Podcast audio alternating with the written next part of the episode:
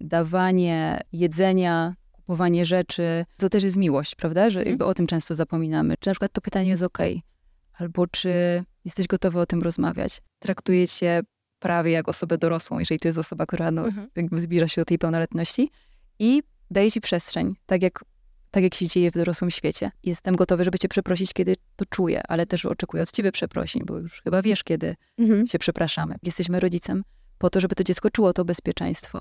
Cześć, witaj w podcaście Rodzic na czasie. Dzisiaj gościem odcinka będzie Maja Fulko, psychoterapeutka psychoterapii psychodynamicznej, która na co dzień pracuje z młodzieżą i dorosłymi. Dzisiaj chciałabym, żebyśmy porozmawiały sobie o nas, dorosłych, rodzicach, o tym, jakie mamy wobec siebie zastrzeżenia i czy potrafimy sobie odpuszczać, albo czy powinniśmy sobie odpuszczać. Zapraszam do obejrzenia i wysłuchania rozmowy, a jeżeli spodobał Ci się odcinek, to zostaw proszę łapkę w górę i zasubskrybuj kanał. Patronem odcinka jest platforma edukacyjna Zdaj.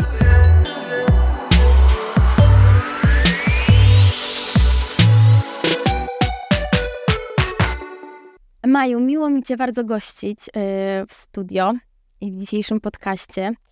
I myślałam o tym dzisiejszym odcinku, dlatego że przejrzałam sobie poprzednie odcinki, które y, nagrywałam, i pojawiło się we mnie takie poczucie y, winy trochę, że dużo mówimy o tym, co rodzic powinien, czego nie powinien, jak powinien funkcjonować, co robić w przypadku takiego dziecka, a takiego. I mam wrażenie, że tych bodźców w ogóle jest, nie tylko w naszym podcaście, ale w ogóle z każdej strony jest bardzo dużo i ten rodzic ma prawo czuć się zagubiony, więc chciałabym Cię dzisiaj zaprosić do takiej rozmowy. Mhm. To też może zacznę od tego, że bardzo miło mi jest tutaj być. E, bardzo się cieszę, że możemy sobie porozmawiać na te tematy, które e, gdzieś na, na co dzień są mi bliskie, ponieważ pracuję e, z nastolatkami, też z rodzicami nastolatków. I to pytanie, które zadałaś, myślę sobie, tak z mojej perspektywy dotyczy troszkę takiej trudności rodziców z tym, żeby zająć się jakoś sobą i możemy jakoś odgórnie już oczekujemy od nich tego, żeby byli właśnie takimi idealnymi rodzicami, którzy przewidują jakoś te potrzeby dzieci. Ja też miałam ostatnio taką refleksję związaną w ogóle z tymi czasami, w, którymi, w których my żyjemy, prawda, że ta przestrzeń między dzieckiem a rodzicem, który no, jeszcze jest w tym poprzednim pokoleniu, gdzie ta cała, e, ten cały postęp, który się dokonał w ostatnich latach, jest ogromnym przeskokiem. E, myślę sobie, że to jest ogromny dystans, prawda, dla rodzica, żeby zrozumieć dziecko takie współczesne. Że to chyba nie jest do końca to, co e, może czuli nasi rodzice, tak sobie myślę. Mhm. mhm. Też chyba ważne jest to, że te różnice w wychowaniu są zupełnie inne. Nas wychowywano inaczej. Też nie wiem, nie wiem na ile to jest prawda, to teraz możesz mi powiedzieć, że kiedyś był ten taki e, zimny chów, że faktycznie o emocjach się mało rozmawiało, bardziej zależało rodzicom na tym, żeby dziecko miało ubranie, jedzenie i odrobione lekcje. Teraz więcej się mówi o emocjach i dla nas, którzy nie byli tak wychowywani, a którzy muszą się w tym odnaleźć, jest trochę ciężko. Tak, tak. No dokładnie czuję to, co powiedziałaś, bo też wczoraj tak sobie myślałam o tym naszym spotkaniu i przyszło mi to właśnie do głowy, że ten zimny chów, chociaż mm, zimny chów brzmi tak y, trochę nieprzyjemnie, a ja pomyślałam sobie, że dawanie y, jedzenia, kupowanie rzeczy, y, czyli to, co jakieś takie poprzednie pokolenia traktowały jako dawanie tej miłości, no to to też jest miłość, prawda? Że mhm. jakby o tym często zapominamy, że jest to z jakiegoś miejsca miłości, ale też z, tak, z taką nieumiejętnością y, może zrozumienia, co jest ważne w tym momencie dla mhm. dziecka. I tak jak przeprowadzałam czasami różne rozmowy w liceum, w którym pracowałam, właśnie w liceum integracyjnym, miałam wrażenie, że to, czego najbardziej brakuje dzieciom, to jest po prostu y, jakiś rodzaj wysłuchania, jakiś rodzaj przestrzeni, też zaufania. Myślę sobie, że to jest taki ogromny temat, który jakoś tak nie wybrzmiewa, ale mam poczucie, że zaufanie to jest coś, czego nastolatek potrzeb, nastolatkowie potrzebują tak w bardzo dużym stopniu. No właśnie, zaufanie, a rodzice chyba boją się tego zaufania. Mhm. Czy to wynika z tego, że mało ufamy też tak naprawdę samym sobie jako rodzicom i jakby myślimy też o tym, jak nasze życie wyglądało jako nastolatków i też chcemy uchronić to dziecko przed wszystkim? No, myślę sobie, że coś na pewno w tym jest, y, że te niebezpieczeństwa jakoś tak czyhają z każdej strony. Myślę sobie, że jest większa e, taka większy taki lęk przed tym, co się może wydarzyć, może nawet większy niż kiedyś, prawda? No bo kiedyś y, te społeczności, one były takie wspierające, że jak dziecko wychodziło, no to tam sąsiadka się tym dzieckiem opiekowała, prawda? Tak sobie to wyobrażam przynajmniej. A teraz jest trochę inaczej, że jesteśmy tacy wyalienowani i przez to pewnie rodzice jakoś dopatrują się wielu zagrożeń gdzieś tam na zewnątrz, jeszcze biorąc pod uwagę internet. No to to znowu jakiś taki, myślę, duży temat, y, ale też wspominałaś, że, tak, że to jest jakiś temat, którym tak. się też zajmowałaś, prawda? Tak, właśnie też y, był odcinek o tym, jak jak sprawić, żeby nasze dziecko było bezpieczne w sieci i o tym rozmawialiśmy. I to jest właśnie też kolejny temat, że, e, że, kiedyś, no nie chcę mówić, kiedyś tego nie było, kiedyś tam tego nie było, no ale faktycznie kiedyś tego po prostu nie było i to było o jedno zagrożenie jakby mniej, tak? Ale też o jedną możliwość mniej, bo ten internet też daje jakieś możliwości. Mhm. Mm, ale to, co powiedziałaś, że kiedyś były takie społeczności, że jak się wychodziło na osiedle, to ta sąsiadka, tamta sąsiadka, no teraz ten styl życia jest trochę inny.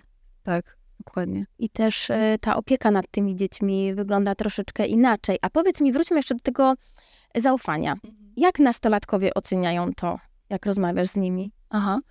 E, to jest temat, który bardzo często pojawia się w takich e, na sesjach właśnie indywidualnych, jakie mam z nastolatkami. Mm, mam poczucie, że jest taki deficyt tego zaufania ze strony rodziców. Nie wiem do końca, z czego to wynika. Wiadomo, że to jest takie indywidualne i każdy przypadek jest inny. To, to na pewno myślę, wy, wymagałoby jakiejś większej analizy, dlaczego akurat tutaj tak jest, w mhm. tym konkretnym przypadku. Ale mam takie mm, wrażenie, że to zaufanie od rodzica to jest jakaś taka, takie potwierdzenie tego, że ten nastolatek czuje się lepiej sam ze sobą, że jest bardziej pewny siebie, że może sam sobie zaufać, że jak nie ma zaufania od rodzica, to tak jakby nie dało się wytworzyć tego własnego zaufania do samego siebie. A mam poczucie, że rodzice jakoś e, często to bagatelizują, mają takie przeświadczenie, że to poczucie tej hierarchiczności, prawda, że to jest bardziej istotne, żeby jakoś zaznaczyć tą pozycję jako rodzic. A to zaufanie jednak daje taką przestrzeń do tego partnerstwa, do takiego traktowania swojego dziecka, no nastolatka, jako osobę taką prawie dorosłą, prawda? Tak. A jak to jest? Bo ja też z punktu widzenia, może nie, nie, nie mamy nastolatka, ale y, ja jako rodzic gubię się czasami w tym, jak mam wyznaczyć granice, a y, zaufać na przykład, dać jakąś przestrzeń do rozwoju. I jak się w tym nie pogubić, jak wiedzieć, co jest stawianiem granic, a co jest zaufaniem? No tak, no to myślę, że to jest świetne pytanie, takie e, szerokie. Postaram się jakoś odpowiedzieć na tyle, na ile teraz potrafię, ale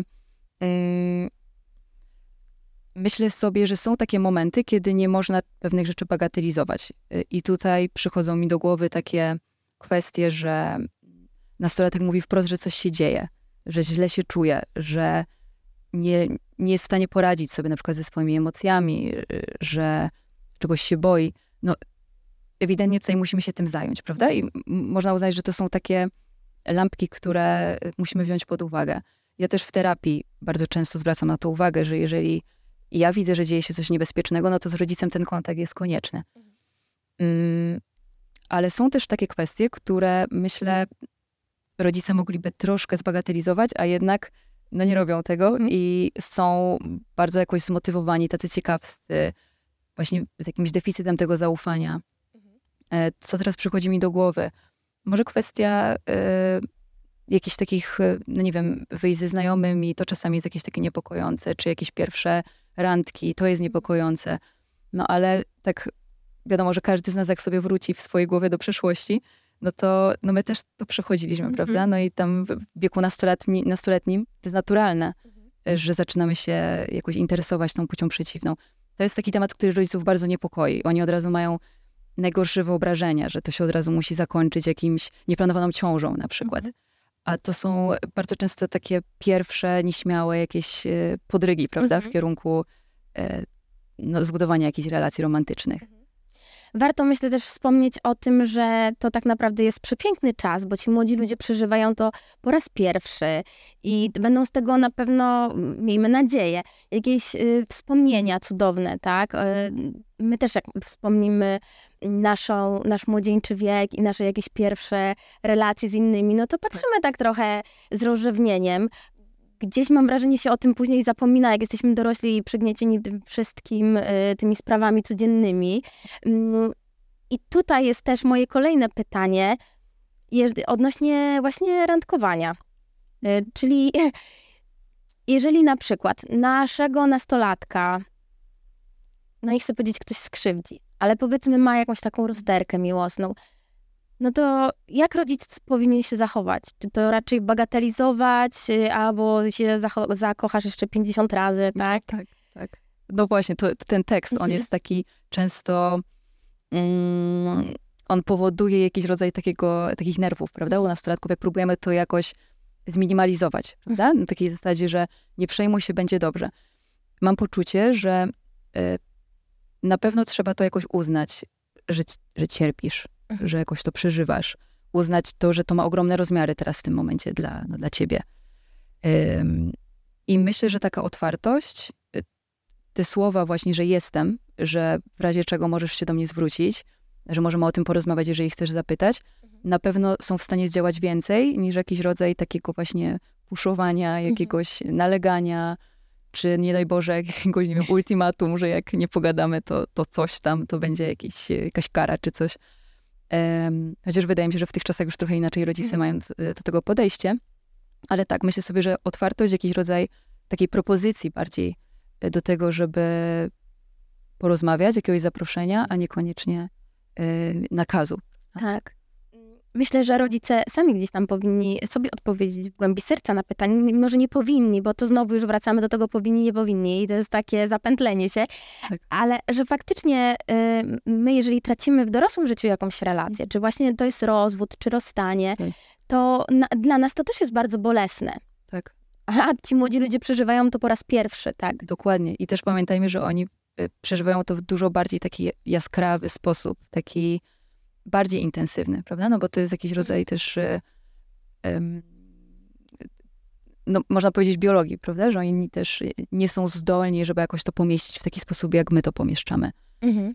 Także myślę sobie, tak odnosząc się jeszcze do tego, co powiedziałaś, że warto bazować na tych naszych wspomnieniach, mhm. że to jest jakieś takie pomocne, żeby się trochę um, odnaleźć w tym, co, co mhm. kiedyś sami przeżywaliśmy. Mhm. A już teraz tak zatrzymując się jeszcze przy tych e, rozmowach i te, przy tym wypytywaniu, też u mnie się to, muszę przyznać, zdarza, że chcę rozmawiać z moim dzieckiem, chcę być taka otwarta, bo teraz się dużo mówi o tym, żeby rozmawiać z dzieckiem, żeby otworzyć serce.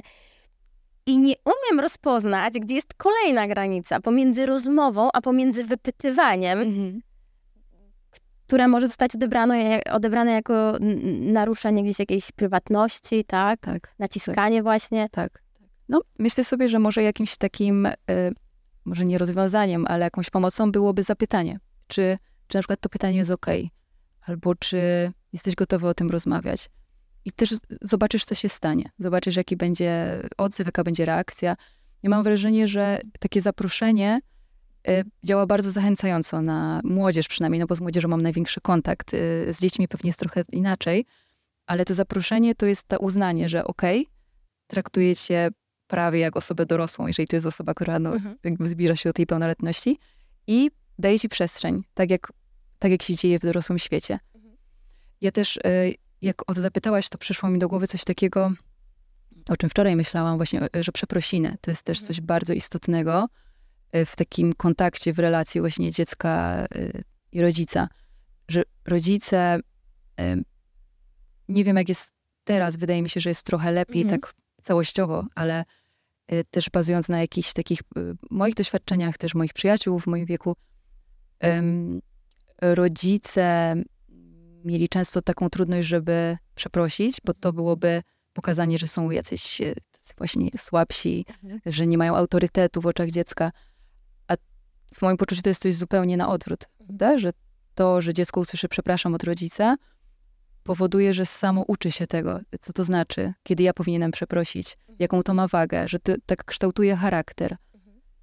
Cieszę się, że o tym mówisz.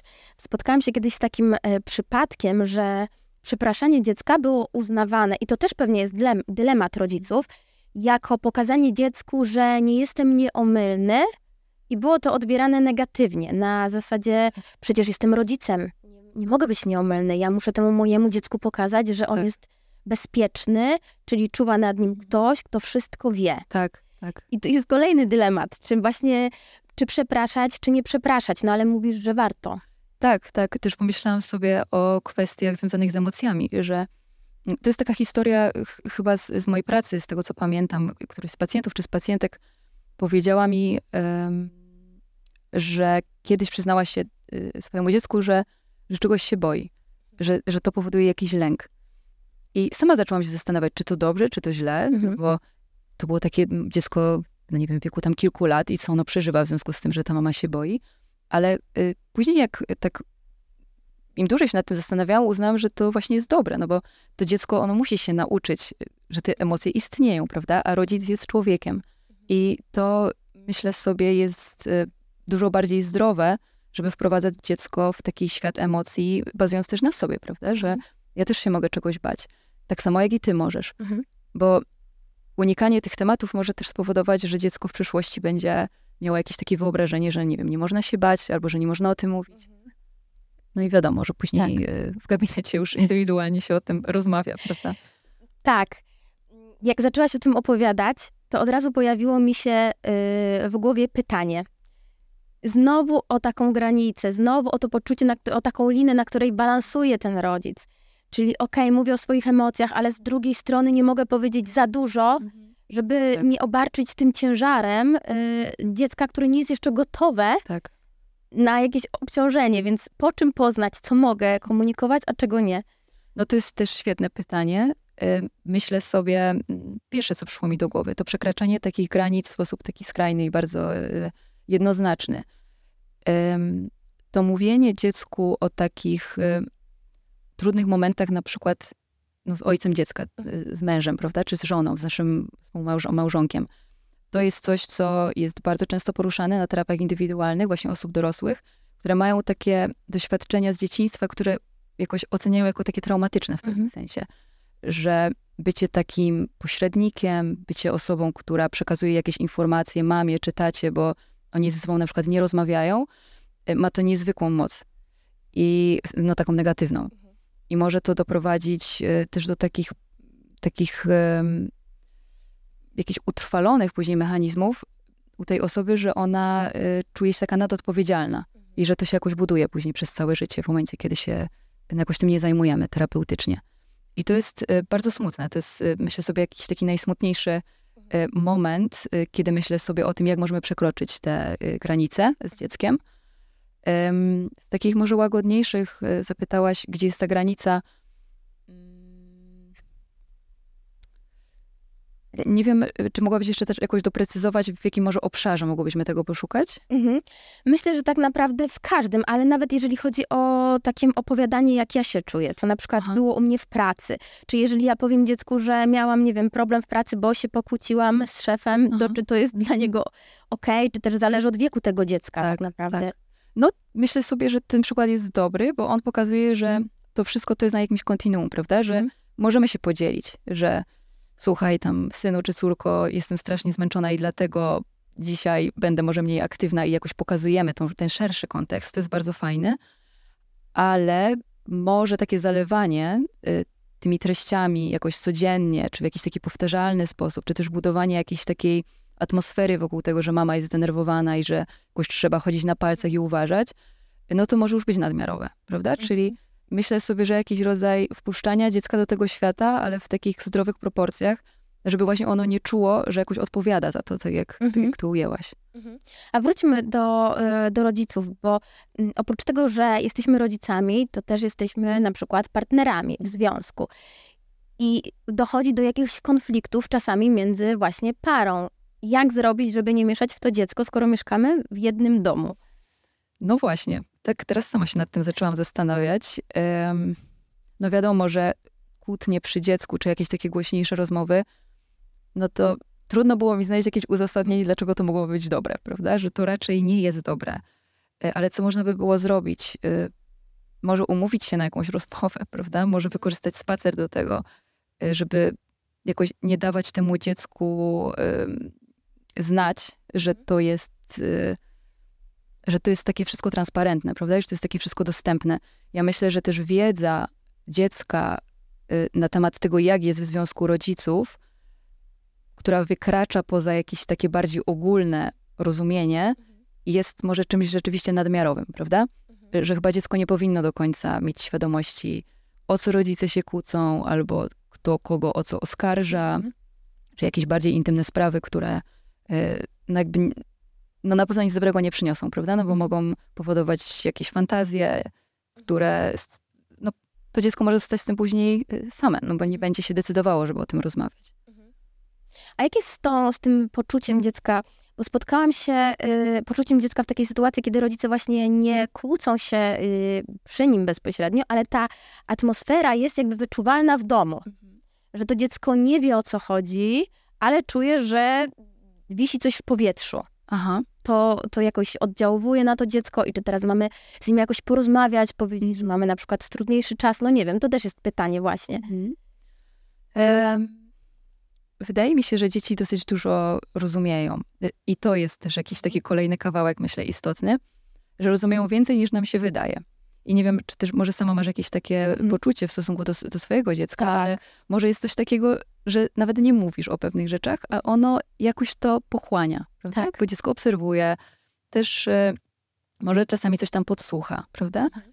I y, mam poczucie, że y, właśnie trochę nie doceniamy tych umiejętności dziecka, żeby te sygnały czytać. I że pewnie na jakimś tam poziomie jest w stanie łączyć kropki, jest w stanie łączyć te fakty. A co z tym zrobić?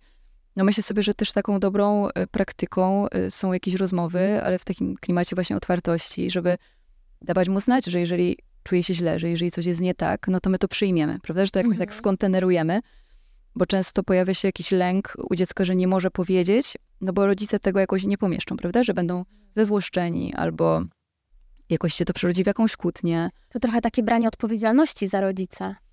Trochę tak, trochę tak. Ale rodzic, myślę sobie, być może y, czasem ma w tym udział, jeżeli pokazuje, że on sam nie zarządza y, w taki odpowiedni sposób swoimi emocjami. Ym, przyszło mi coś do głowy, ale mi uciekło. Y, aha, właśnie o milczeniu. Że przecież takie milczenie to jest ogromna kara dla dziecka. I to powoduje czasami większe straty w takim poczuciu bezpieczeństwa niż kłótnia, prawda? Która się jakoś rozpocznie i później może skończy i to, to też nie chodzi o to, że kłótnie są złe. Wiadomo, że w zależności Tak. od tego, jak są przeprowadzane. Wyobrażam sobie taką konstruktywną Mhm. kłótnię. Ale jeżeli chodzi o to milczenie, to jest to coś, e, co to czasami jest bardzo trudne dla Mhm. kogoś. Powiedz mi, bo może ym, źle gdzieś tam to interpretuję, ale właśnie mam e, takie wrażenie, że to milczenie jest też jakąś formą manipulacji. Jeżeli my długo milczymy, no to jakiś efekt chyba chcemy uzyskać tym milczeniem, tak? Czy jakieś przeproszenie, czy jakąś skruchę, cokolwiek. Tak. I takie najgorsze chyba jest to domyślanie się, o co chodzi, a warto Tak. chyba powiedzieć otwarcie. Dokładnie. Takie domyślanie się, tak jak powiedziałaś, ale też takie umniejszanie. Bo to milczenie pokazuje, tak można sobie to zinterpretować, że ja nie jestem ważny, nie jestem ważna, że e, jakoś moje emocje w tym nie są ważne. I myślę sobie, że bardzo ważne jest, żeby się jakoś zastanowić, czy to, co to milczenie może wywołać w tej osobie. My jako dorośli też możemy to przecież interpretować w kontekście naszych relacji. Jak my się czujemy, prawda? Jak ktoś zaczyna nas karać taką ciszą. Warto sobie tak pomyśleć, że żeby to dziecko przełożyć trochę na takiego dorosłego, No tak. a najlepiej może nawet na samego siebie, jak ja bym się y, y, z czymś y, czuł, czuła, tak? No tak, no bo dlaczego mielibyśmy uznać, że dziecko miałoby się jakoś inaczej z tym czuć, prawda? Nawet więcej, ono może się czuć jeszcze bardziej osamotnione, bo nie jest w stanie jakby pomieścić pewnych rzeczy. To jest to, co no, osoba dorosła jakoś e, zyskuje, prawda? Wraz, Tak. e, no nie wiem, z tym, jak się rozwija mózg i, i z tym, e, jak zyskuje jakieś kompetencje społeczne i tak dalej. Mhm. Chciałabym wrócić do tych konfliktów, bo wyobra- do tych kłótni, nie wiem, kłótni. Wyobrażam sobie to tak, że niektórzy rodzice, e, zresztą też słyszałam o tym, e, nie chcę powiedzieć chcą się kłócić, ale, ale nie unikają kłótni przy dziecku, żeby pokazać mu, że w związkach kłótnia jest normalna. I myślę, że okej, tylko jak pokazać dziecku, że kłótnia jest y, normalna, jak się kłócić w Mhm. cywilizowany sposób jako rodzic, nie wyciągając dodatkowo jeszcze jakichś brudów, żeby nie No tak. poinformować o czymś dziecko. No tak, tak. To czy, czy, jak myślisz, czy w ogóle mm, kłócić się przy, przy dziecku, jakby czy, czy milczeć yy, i czekać na ten odpowiedni moment? No bo też sobie wyobrażam sytuację, w której e, rodzic ma małe dzieci i na przykład gotuje się w nim wszystko No tak. i nie może wyjść z domu i ich zostawić, tak. bo nie ma z kim. Tak teraz wpa- wpadło mi do głowy coś takiego, że jeżeli naprawdę nie mamy takich warunków i takich możliwości, żeby jakoś tego uniknąć, czy jakoś to przełożyć, Mhm. no bo wiadomo, że kłótnię nie zawsze możemy przełożyć, może warto zastanowić się nad tym, jak ją zakończymy, żeby ten koniec i takie domknięcie tej kłótni było czymś, co pozostawi jakiś taki, powiedzmy, pozytywne, ym, pozytywne wrażenie, że rodzice e, w jakimś sensie się pogodzili, w jakimś sensie doszli do porozumienia, albo przełożyli to na e, jakiś kolejny termin, ale żeby to nie pozostało w jakiejś takiej eskalacji. Tak mi się wydaje, że to byłoby bardzo ważne. Żeby może to poczucie bezpieczeństwa u dziecka było e, jakoś tutaj w tym e, zachowane, prawda? Że była kłótnia, ale kłótnia może zakończyć się czymś, e, co nie eskalowało, nikt nie milczy, nikt się nie obraził, wracamy do normalnego funkcjonowania. To jest chyba bardzo ważne, żeby wrócić do normalnego funkcjonowania. Tak. No bo jak już sobie powiedziałyśmy, no jesteśmy też ludźmi i te emocje są w nas i czasami jest po prostu bardzo trudno wrócić do normalnego funkcjonowania, jak y, się sobie coś przypomniało, jeszcze w związku z tą sytuacją, jakieś nagromadzone rzeczy. Tak, tak. Tym bardziej, że no, my jako osoby dorosłe możemy sobie to y, zaplanować, prawda? Możemy później z partnerem czy z partnerką dojść do jakiegoś porozumienia, że okej, coś czuję, że to nie dokończyliśmy, ale dokończymy to na przykład, kiedy będziemy sami, bo jeszcze jest jakiś obszar, którym się nie zajęliśmy. Że myślę sobie, że to no, my jesteśmy jakoś odpowiedzialni za to, jak to wygląda, prawda? Mhm. żeby e, nie spowodować w dziecku poczucia, że, że ono się jakoś boi na najzwyczajniej w świecie, Mhm. tego, że to nie zostało rozwiązane. A jak reagować, kiedy się e, kłócimy albo jest jakaś konfliktowa sytuacja z partnerem i dziecko reaguje, czyli ma taki odruch, jakby od niego zależało załagodzenie tej sytuacji? No to jest ciekawe pytanie. Też pomyślałam sobie o wieku tego dziecka, Mhm. bo jeżeli to dziecko jest em, nastolatkiem, myślę sobie, że możemy już z nim porozmawiać w taki sposób bardziej e, dorosły, prawda? Że może to nie jest dobry moment, ale że też dziękujemy za to, że jakoś, e, no nie wiem, na przykład stanęło w czyjejś obronie. Ja bym też jakoś starała się nie wchodzić w to bardzo mocno, no bo to może też utrwalać jakieś takie destrukcyjne zachowania, że stanęłam w obronie mamy, więc nie wiem, może powinnam robić to częściej. To są takie trudne tematy, tak sobie myślę. Mhm. E, Jakoś ciężko też mi jest odpowiedzieć, e, co można by było zrobić dobrego w tej sytuacji. Myślę, że na pewno pokazanie jakiegoś, em, jakiejś uważności, że my to widzimy, że jesteśmy tego świadomi, Mhm. ale może zapewnienie, że nie potrzebujemy może tej pomocy, e, że sobie poradzimy. Bo często, wydaje mi się, dzieci chcą chronić swoich rodziców, e, dlatego że boją się, że oni sobie jakoś nie poradzą. E, Mhm. Wiadomo, jeżeli tutaj chodzi o jakieś jeszcze przemocowe takie e, Mhm. tematy czy konteksty, no to to może być już bardzo trudne. A z czego wynika ten lęk, że dziecko się boi, że dorosły człowiek sobie nie poradzi? Że my co, jako rodzice y, coś zrobiliśmy źle, czy właśnie nie zrobiliśmy nic, a to samo się pojawiło w dziecku? Od razu przychodzą mi do głowy właśnie y, takie momenty, kiedy jest przemoc y, Mhm. Rodzinie, to znaczy może tylko między rodzicami, może jedna strona tylko jest przemocowa, no to może z tego się na przykład brać, Mhm. prawda? że dziecko może czegoś doświadczyło takiego, że widziało, jak tata bardzo krzyczał, Mhm. albo jak, y, no nie daj Boże, tam podniósł rękę na, na mamę. I to może powodować, y, no właśnie, coś takiego, że ja jestem z mamą w tym domu, że może ja powinienem jakoś zainterweniować, że może powinienem coś zrobić. No i to są bardzo ciężkie tematy w momencie, kiedy ja na przykład pracuję z nastolatkami. No to wtedy ja mogę pomóc, prawda? No bo biorąc pod uwagę też ten kontrakt, te zasady, to zapewnienie o tym, że ja też jakoś jestem od tego, żeby sprawdzać, czy to bezpieczeństwo tam jest, mm, no to ja się kontaktuję wtedy z rodzicami i zgłaszam coś takiego. I wtedy to jest często pomocne, no bo rodzice na przykład nie zdają sobie z tego sprawy, a nastolatek nie ma takiej gotowości często, żeby o tym rozmawiać z rodzicami. Mhm. A z czego to wynika, że nie ma gotowości? Y, Dla niego to jest trudne, bo boi się reakcji rodziców? Czy... Być może albo się boi reakcji, albo nie ma na to siły, albo jest przeciążony. Ym, Tutaj już musiałobyśmy głębiej wejść właśnie w takie domy y, przemocowe, prawda? Że tam już zupełnie inne, innymi prawami się to rządzi, prawda? Że tam to jest jakiś taki jeden duży, duża sieć takiego współuzależnienia, że każdy członek, członek rodziny jest w pewnym sensie jakoś współuzależniony od tej sytuacji. Mhm. To są takie trudne tematy, ale chciałam jeszcze poruszyć i porozmawiać o, o rodzicach, których mam e, jest więcej. Bardzo bym tego chciała, żeby było ich więcej. Czyli o tych rodzicach, którym zależy, a którzy nie potrafią się odnaleźć y, w tym natłoku informacji. Bo mam wrażenie, że to jest właśnie ten duży przeskok pomiędzy tym, co było, a tym, co teraz jest. I czy rodzice mają jakieś wyrzuty sumienia w związku z tym, że na przykład nie są takimi rodzicami, jak mówią im na przykład, yy, powiedzmy, w podcaście, tak? Albo w internecie. No, myślę sobie, że na pewno jest sporo teraz takich rodziców, biorąc pod uwagę to, jak to się rozrasta, że te podcasty, czy jakieś kanały na YouTube, czy w ogóle cała taka strefa zdrowia psychicznego, to się jakoś bardzo rozszerza. E, to, co jest y, dobre i to, co ostatnio jakoś y, często mm, przychodzi do głowy, to że jest coraz więcej też takich warsztatów, na przykład rodzicielskich, w mm. których można brać udział. Często są to jakieś bezpłatne nawet warsztaty organizowane przez, przez miasto. E, także można się rozwijać, jest więcej szansy na to, żeby się rozwijać, ale z drugiej strony, tak jak powiedziałaś, może się pojawić to, to uczucie, mhm. że ja jakoś nie nadążam i że może ja nie mam jakichś y, podstaw y, takich własnych, osobistych, żeby rozwijać jakoś swoje dziecko, prawda? Mhm.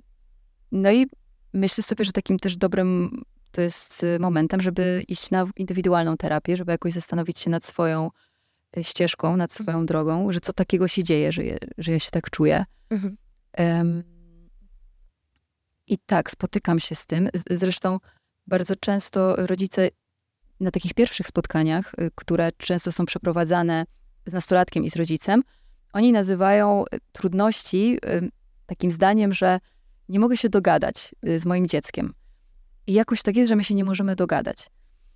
I y, myślę sobie, że to jest jakaś taka odpowiedź na pytanie, prawda? Że my nie mamy do końca jakichś narzędzi, nie mamy tych narzędzi, które mają teraz nasze dzieci. Biorąc pod uwagę to, że mają właśnie dostęp do tych mediów społecznościowych i też wychowali się trochę w tych czasach tej takiej samoświadomości, mówienia o swoich potrzebach, swoich granicach, to mnie tak poruszyło bardzo, jak pracowałam w liceum um, i miałam kontakt właśnie z różnymi osobami i ta ich łatwość, taka lekkość w mówieniu o tym, że ja jestem tutaj, tutaj się kończą moje granice, mhm. albo ja jestem zdenerwowany, jestem zły, to było takie bardzo dla mnie dojmujące, Szczególnie jak przypominałam sobie czasy mojego mhm. takiego nastoletniego życia, liceum, gdzie nawet nie było psychologa w liceum. Także to, y, to jest z jednej strony pocieszające, że ta młodzież się tak rozwija, ale z drugiej strony właśnie rodzice mogą czuć jakiś rodzaj dyskomfortu, ale z trzeciej strony mamy bardzo dużo rozwiązań, które mogą mhm. jakoś nam pomóc, prawda? Czyli albo terapia, albo jakieś warsztaty, czy, mhm. y, no, czy, czy jakaś taka praca nad sobą. To jest super, że młodzi ludzie mają tę świadomość i to też mają tę świadomość. Mam nadzieję, że dzięki temu naszemu pokoleniu specjalistów, którzy gdzieś tam teraz zaczęli to komunikować, rozwijają się, y, więc ta młodzież jest na pewno bardziej świadoma, też się z tym spotkałam. Ale myślę sobie, że to też może obudzić w rodzicu taki lęk i takie poczucie, że moje dziecko wie więcej i ono mnie teraz będzie uczyło, jak ja powinienem coś zrobić, a przecież to ja jestem rodzicem. Tak, Halo. Tak, tak, oczywiście, że tak.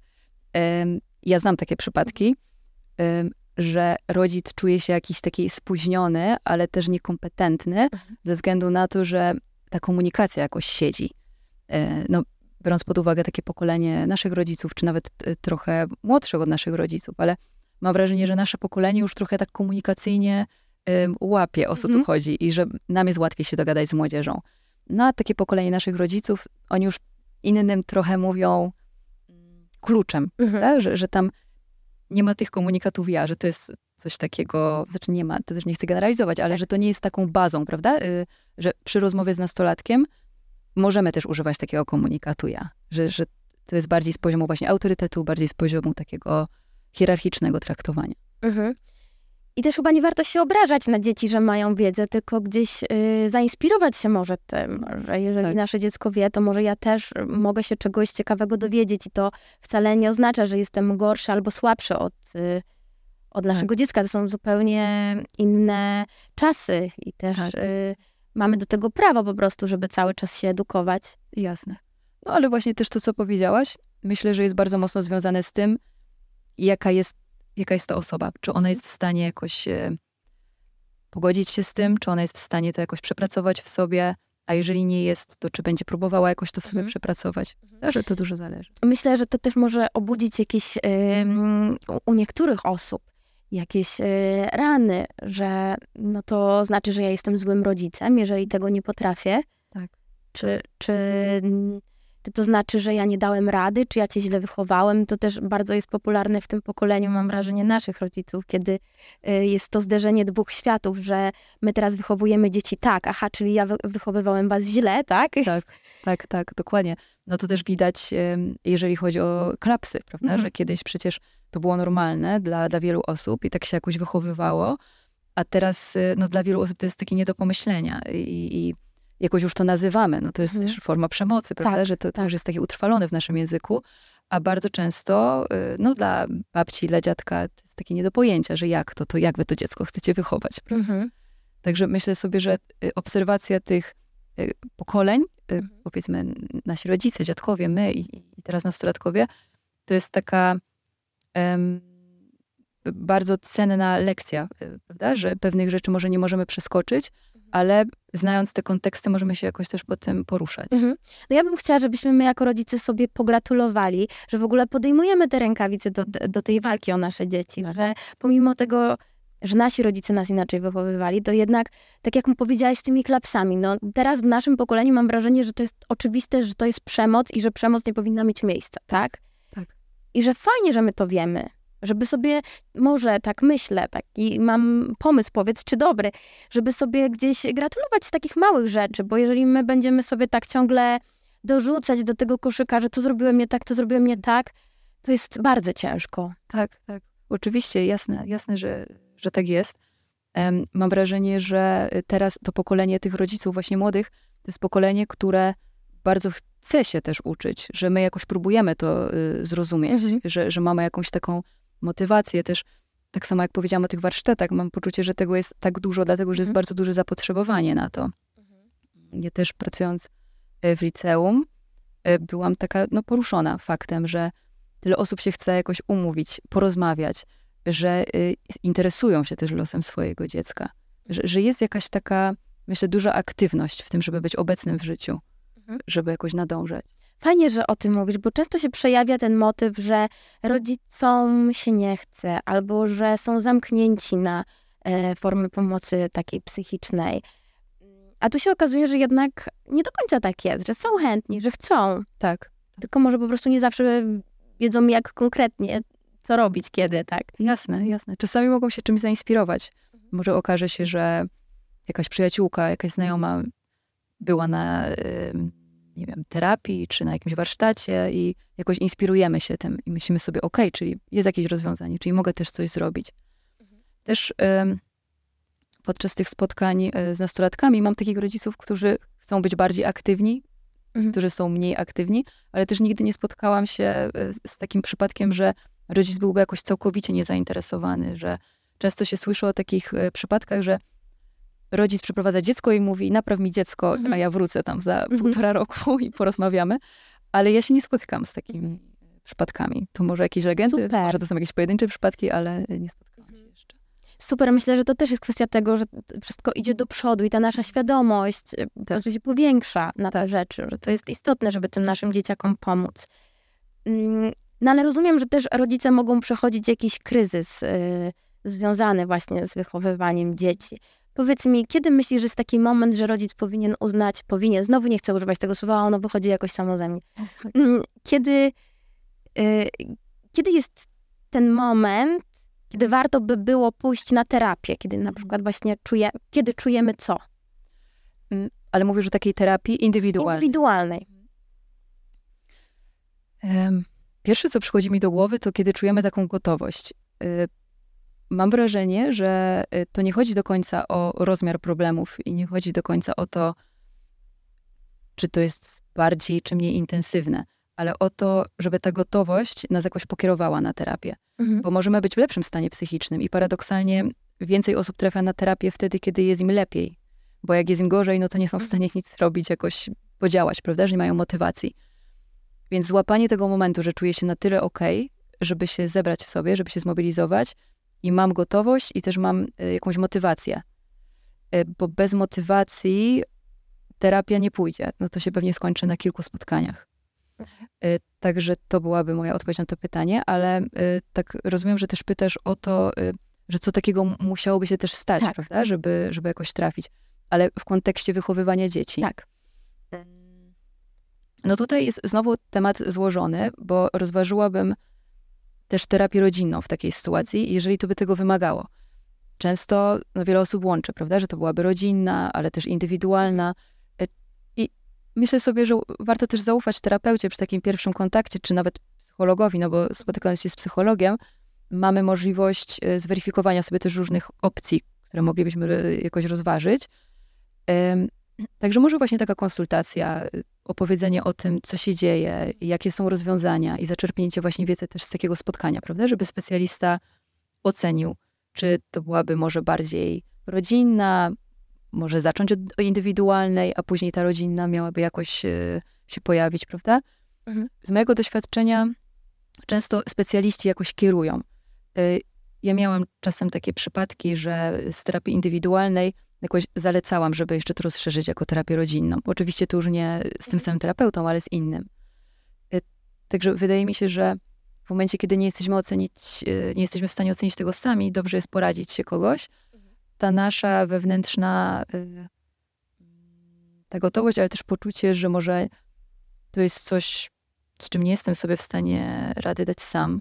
Może to jest jakiś temat, który jest dla mnie za ciężki. Może też się coś odtwarza z dzieciństwa albo z mhm. przeszłości.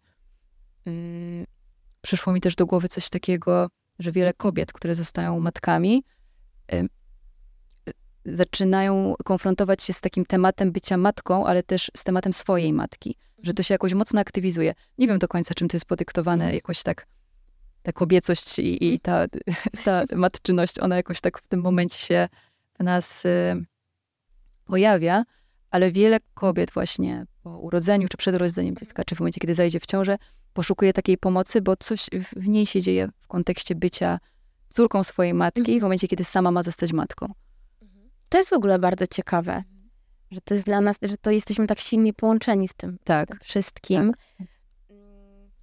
Ale też mam takie wrażenie, że jeżeli przychodzi na świat dziecko, to też trudno jest się odnaleźć w tej roli, że jesteśmy rodzicem, partnerem, y, tak, y, córką, y, jesteśmy przyjaciółką, że to jest, że spełniamy wiele ról po prostu. Tak. Jest bardzo czasami trudne do połączenia. Tak. I właśnie to jest często, myślę sobie, moment, kiedy doznajemy jakiegoś przełomu, doświadczamy jakiejś dużej zmiany w naszym życiu, to jest bardzo często jakiś powód trafienia na terapię. W moim odczuciu ogromna część osób trafia z powodu rozstań to też jest ogromna zmiana w życiu.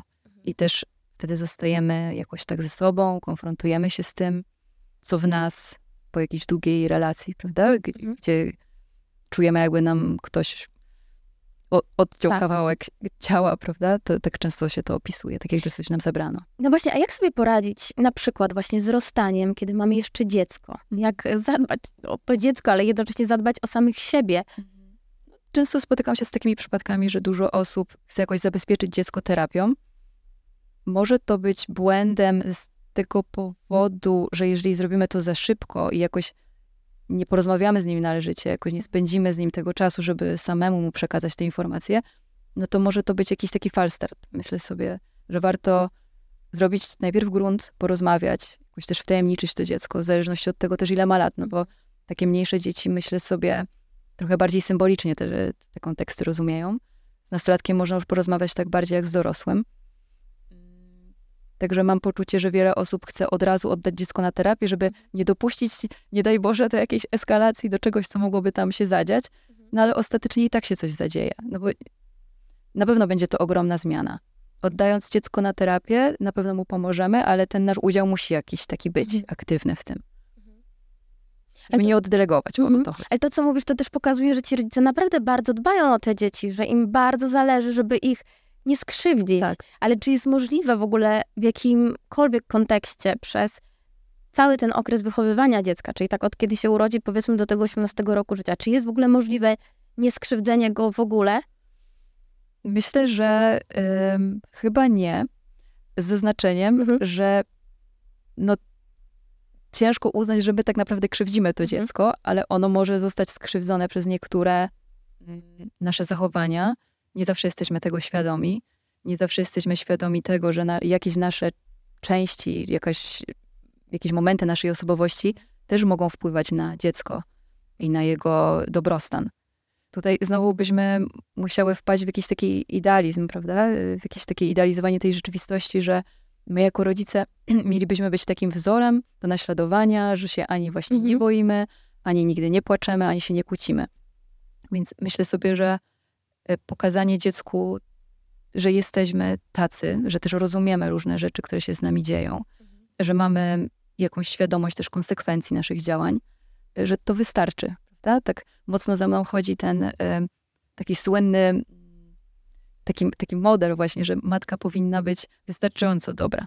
Mhm. Że to nie chodzi o to, że matka była idealna y, albo sprawiała takie wrażenie, tylko że była wystarczająco. Bardzo pięknie to powiedziałaś. Bardzo piękne. Myślę, że to jest y, właśnie to, czego matkom, mam wrażenie, że matkom, nie wiem jak w przypadku ojców, to zaraz do tego też chcę dojść, do tego tematu, ale właśnie ma, dla matek to jest bardzo wspierające, bo mam wrażenie, że no ja też jako matka, że dążymy do jakiegoś takiego ideału, który gdzieś nie istnieje i to jest bardzo frustrujące, kiedy nie możemy do tego ideału dojść. Dokładnie i to też czasami powoduje dyskomfort w dziecku. Y, mhm. sobie porównamy mm, siebie jako dorastającą kobietę do matki, która jest idealna, to może rodzić też ogrom jakichś kompleksów i poczucie, że no, ta matka jest jakimś niedoścignionym ideałem, a to też nie jest do końca zdrowe.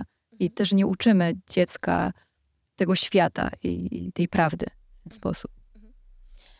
Przy matkach już jesteśmy, to zadam to pytanie. Mm, często się mówiło o takim micie matki Polki.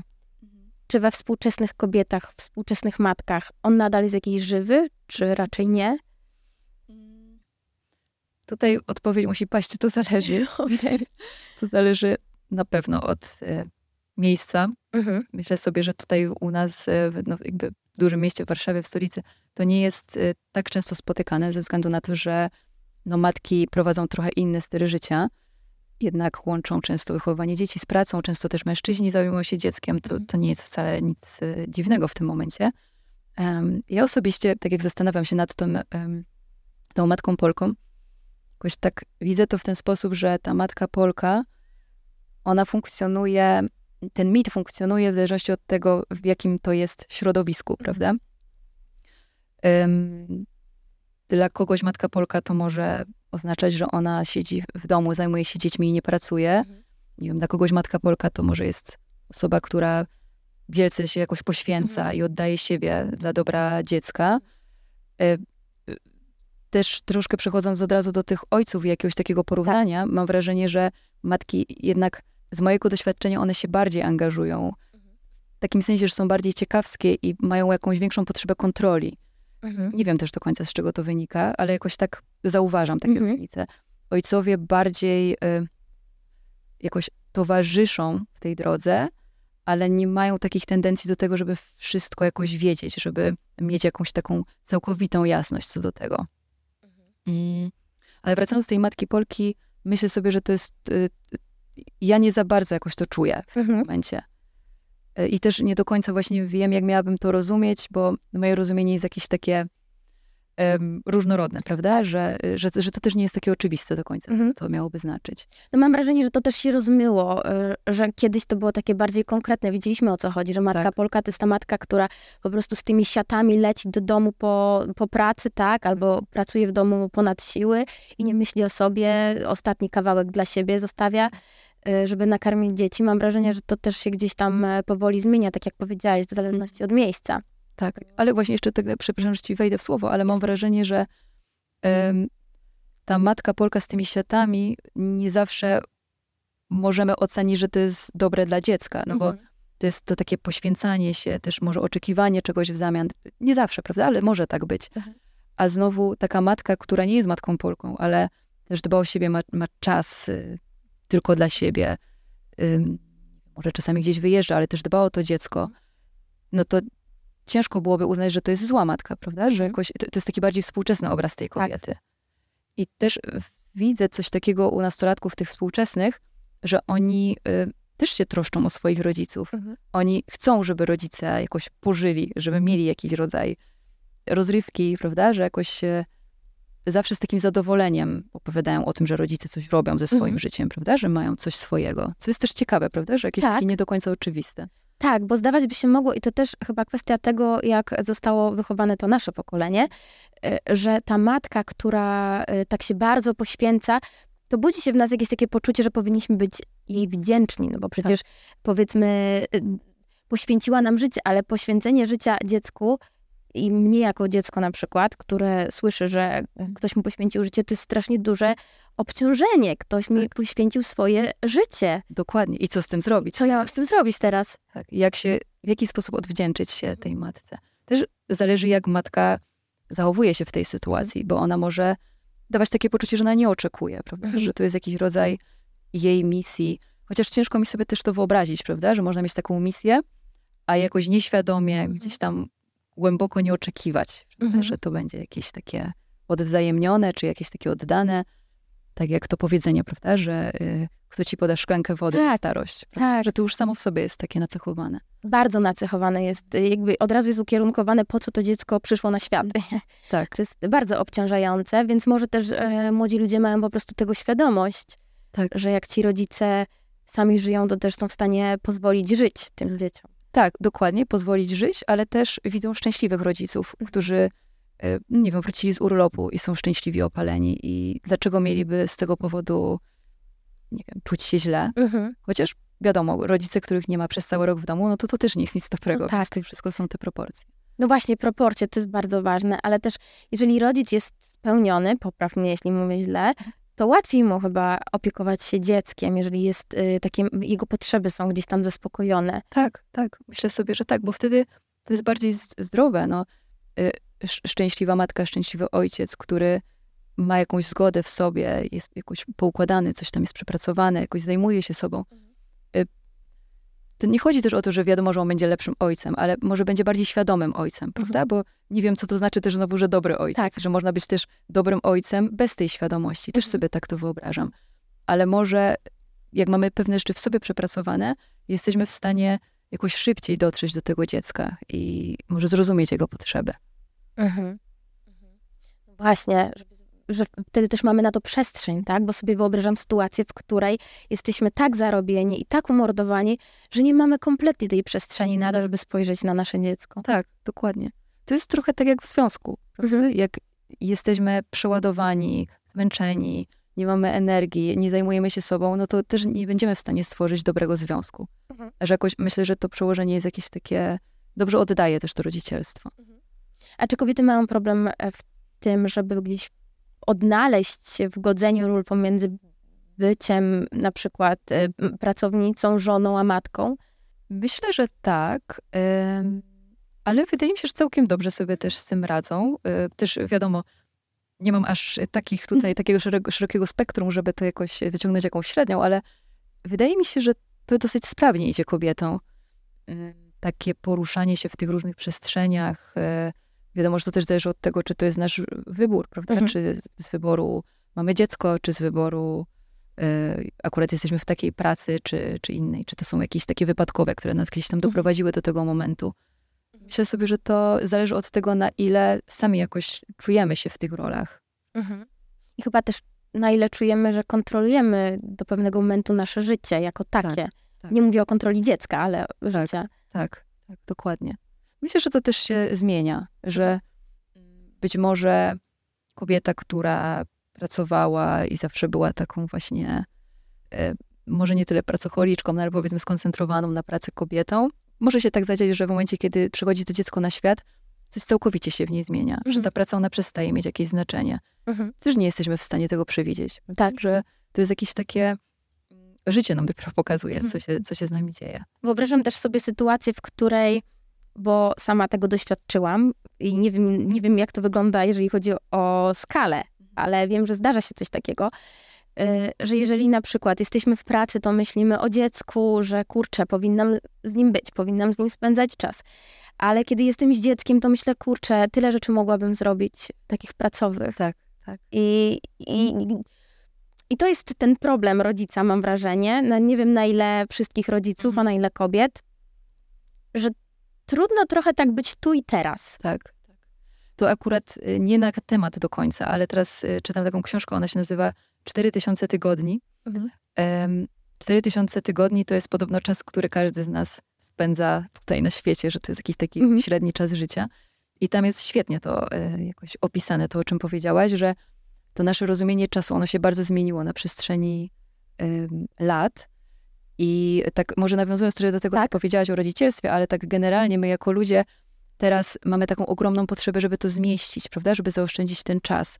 Ale zapominamy o tym, y, że to nie chodzi do końca o to, żeby coś zmieścić, Mhm. tylko co my naprawdę y, chcemy robić, prawda? Z czego czerpiemy, y, co daje nam jakąś pozytywną energię, co powoduje, że jakoś chcemy wstawać rano. I ym, to fajnie było zestawione też z, z takimi czasami, no dawno, dawno temu, w momencie, kiedy, no nie wiem, słońce tam odmierzało nam rytm y, pory roku, prawda? Teraz jest zupełnie inaczej i staliśmy się takimi niewolnikami trochę tego czasu. I myślę sobie, że może każdy z nas tak już indywidualnie powinien sobie odpowiedzieć na to pytanie, czy chodzi nam o to, żeby to jakoś ścisnąć, Mhm. czy może o jakiś rodzaj takiego zrozumienia, właściwie po co ja jestem na tym świecie i czy może dla mnie jakimś sensem najwyższym będzie to, że ja będę poświęcała dziecku swój czas, E, bo, bo tego chcę, prawda? Bo Mhm. to jest jakiś rodzaj mojej takiej zgody, mojego jakiegoś, nie wiem, powołania, chęci, e, a może nie, tak? I, I to myślę sobie jest takie bardzo, taka głęboka właśnie idea idzie za tą książką. Mhm. Co, co, żebyśmy się zastanowili, po co my to upychamy, prawda? I do Mhm. czego to ma nas zaprowadzić. Ale to jest bardzo trafne i odnosi się, myślę, bardzo jakoś tak szeroko do, do rodzicielstwa.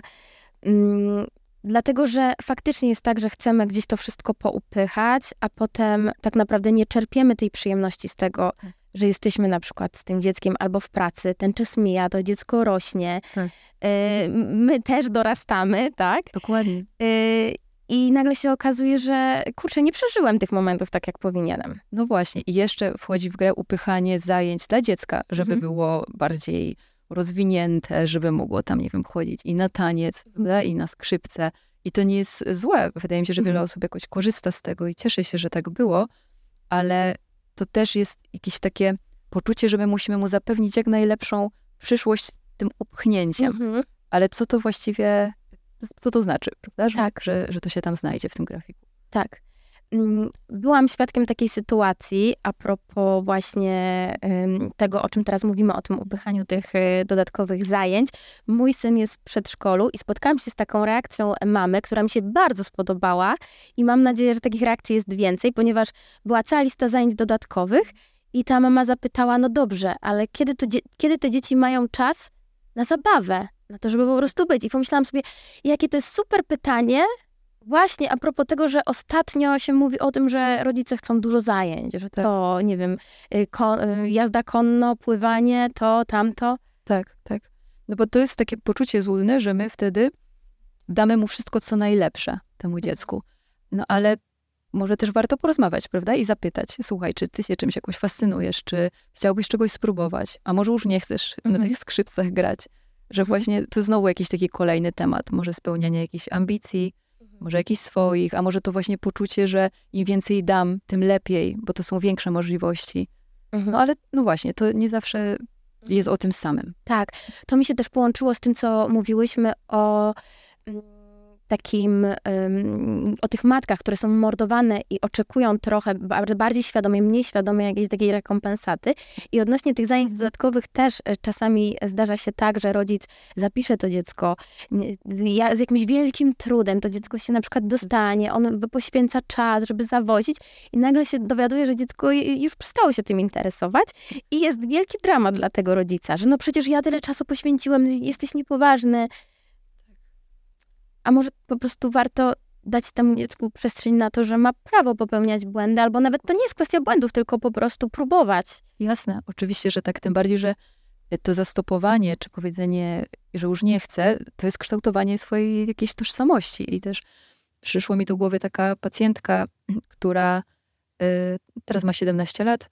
Ona była bardzo zafascynowana jazdą konną, tam chodziła kilka razy w tygodniu i to była jej pasja.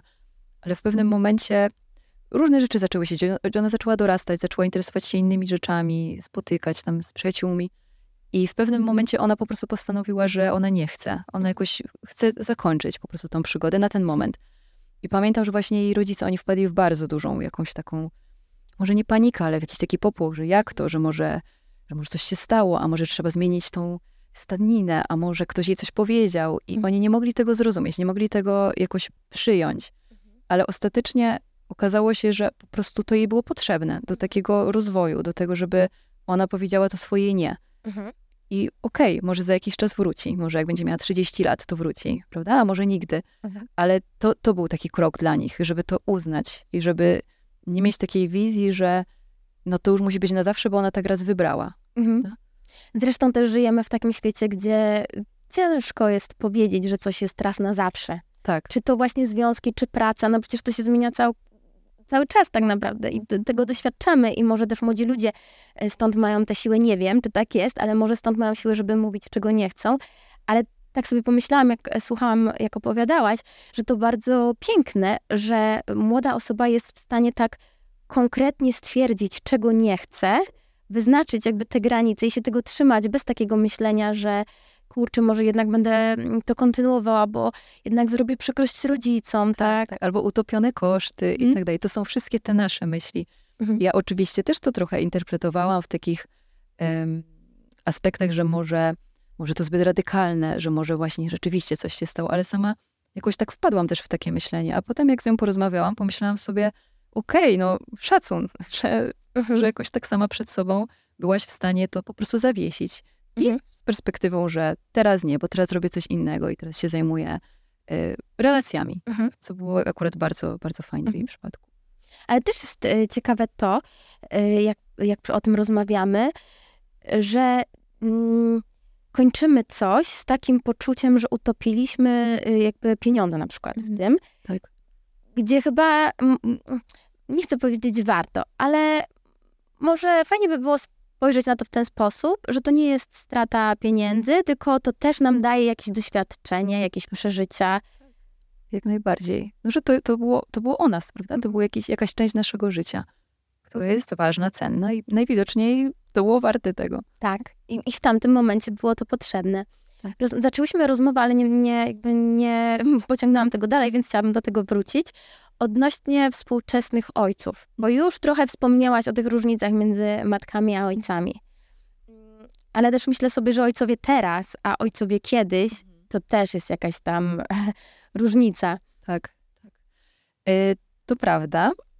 Chociaż tak jak próbuję sobie tych ojców jakoś w głowie poukładać, jakoś tak teraz poprzyglądać się każdemu z nich, mam wrażenie, że ta tendencja, przynajmniej z mojego takiego doświadczenia, jest dosyć podobna. Jeżeli myślę sobie przynajmniej o takim moim dorastaniu i też jak myślę o tym, jaki mój tata miał udział w moim wychowaniu, bo on był bardziej taki um, obserwujący, też e, aprobujący albo nie aprobujący, ale jednak to mama była taką postacią, która e, jak ona coś powiedziała, to tak miało być.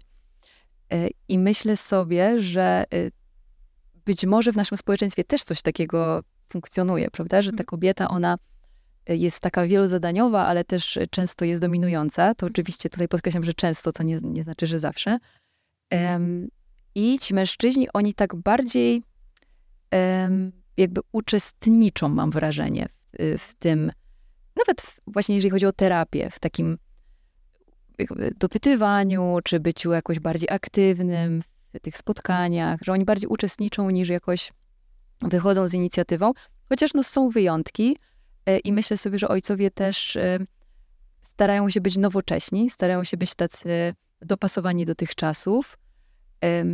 Także na ten moment mam takie wnioski, ale wydaje mi się, że może musiałabyś jeszcze zapytać kogoś, kto ma jeszcze jakieś takie mhm. spektrum mhm. innych innych rodziców, żeby jakoś to porównać, bo wydaje mi się, że no, moje doświadczenia mogą być takie bardzo y, jednoznaczne, prawda, że akurat mhm. tak się trafia. Mhm.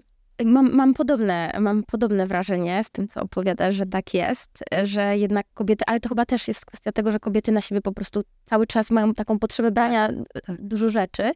To też z moich jakichś tam prywatnych e, historii e, jest to, że słyszę czasami, że no ale przecież yy, dlaczego mam ci przeszkadzać? No jakby chcesz, nie wiem, zadawać pytania czy coś, aktywnie tak. uczestniczyć, no tak. to, mm, no to to robisz. Mm, ale też chyba sam fakt, że ci ojcowie zwracają uwagę na to dziecko, że są z tym dzieckiem jest też taką różnicą, na przykład tych ojców kiedyś, którzy, których zadaniem było po prostu zarobić. Tak, tak, tak to prawda, to prawda.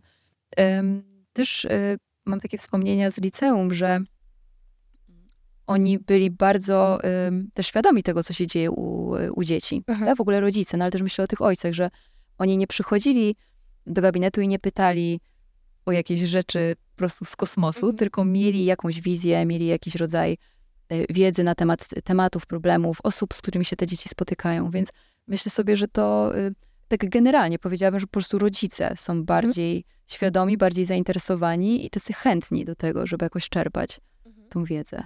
Jeżeli już mówimy właśnie o rodzicach, już sobie omówiliśmy i ojców, i, i matki, to chciałabym poruszyć temat relacji z dziećmi.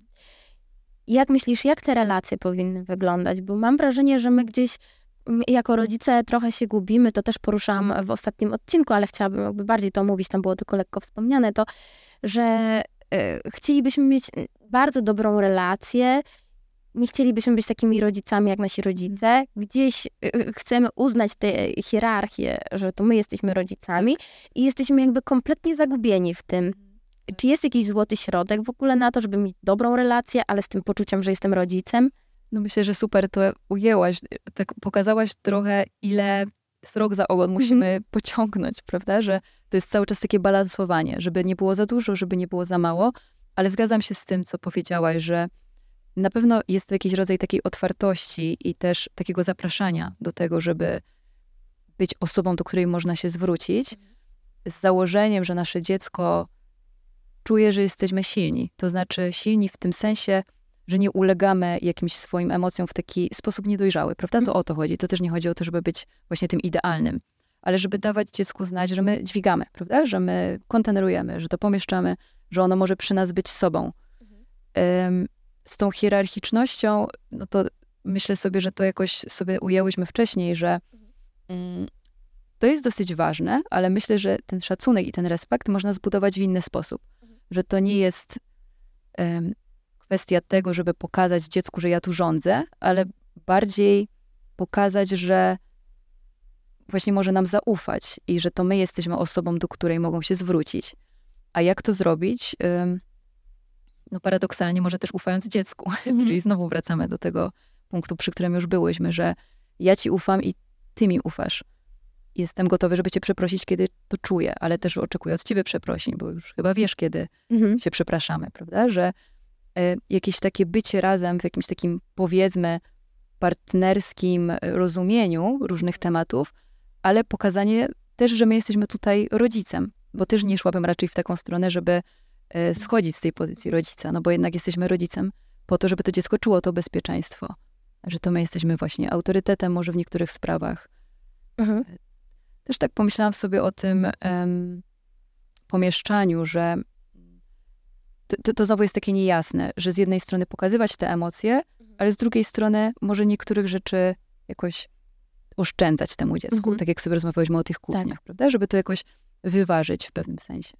Czyli na przykład powiedzieć, jestem e, zła, ale nie zagłębiać się e, tak, w coś. W ogóle zdanie jestem zła jest świetne, prawda? Bo tutaj nie musimy być strasznie źli i pokazywać tej złości, ale komunikat, co się ze mną dzieje, że teraz jestem mhm. zła. To jest super, żeby w ogóle dziecko uczyć takich mhm. komunikatów.